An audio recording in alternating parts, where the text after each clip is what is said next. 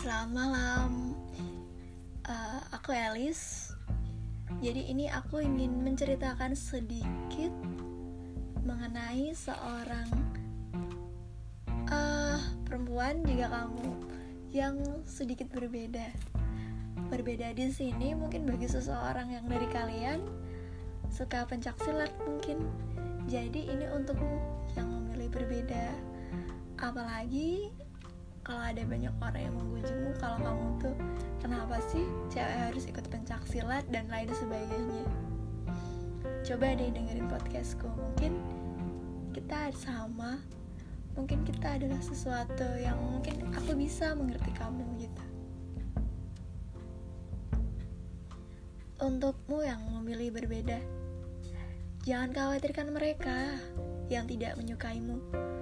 Berikan alasan Mengapa kamu harus melakukannya? Ini demi kebaikanmu, demi sebuah keyakinan yang mendarah daging.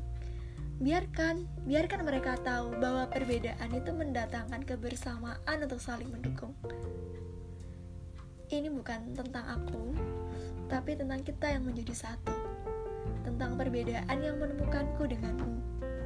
Membuat dunia ini lebih merona. Ini bukan tentang di mana rumahmu, siapa yang mengajarimu memukul, menjatuhkan lawan, atau melakukan serangan telak, ataupun tarian jurus-jurus yang mendatangkan estetika dan mematikan itu.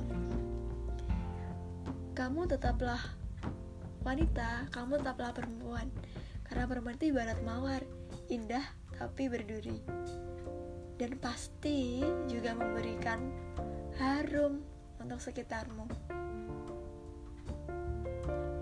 Untukmu yang memilih berbeda,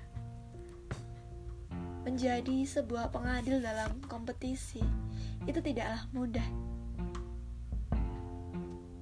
Apalagi menjatuhkan sebuah keputusan yang tepat. Terkadang iblis itu banyak dan berusaha menggoda bahwa berpihak kepada salah satu akan mendatangkan hal yang menggiurkan namun kamu berusaha mengingat bahwa menjadi pendekar tidaklah semudah membalikan telapak tangan. Bukankah kamu sudah merasakannya bahwa menjadi seorang juara bergelimang pengorbanan? Tidak semua orang peduli dengan minoritas keindahan budaya dari sebuah seni bela diri. Untuk itu, para kalian perempuan semuanya yang menekuni dunia pencak silat dan tetap berada di bidangnya Mungkin seperti aku juga yang sudah dari SMA sampai sekarang masih tidak bisa move on dari pencak silat. Tetap bertahan ya, karena mempertahankan sebuah budaya itu juga merupakan suatu keber memberikan kebermanfaatan buat sesama. Tidak ada yang salah dengan seperti itu kok. Begitulah teman-teman ini mungkin dulu tuh sedikit kebiasaan ya karena pernah ada pengalaman buruk mengenai hal, seperti itu. Jadi kalau buat teman-teman atau yang mendengarin podcast aku ada mengalami hal-hal seperti itu coba bilang pada dunia bahwa ketika aku berbeda itu justru memberikan sebuah nilai memberikan sebuah kebermanfaatan dan keindahan buat sesama. Selamat malam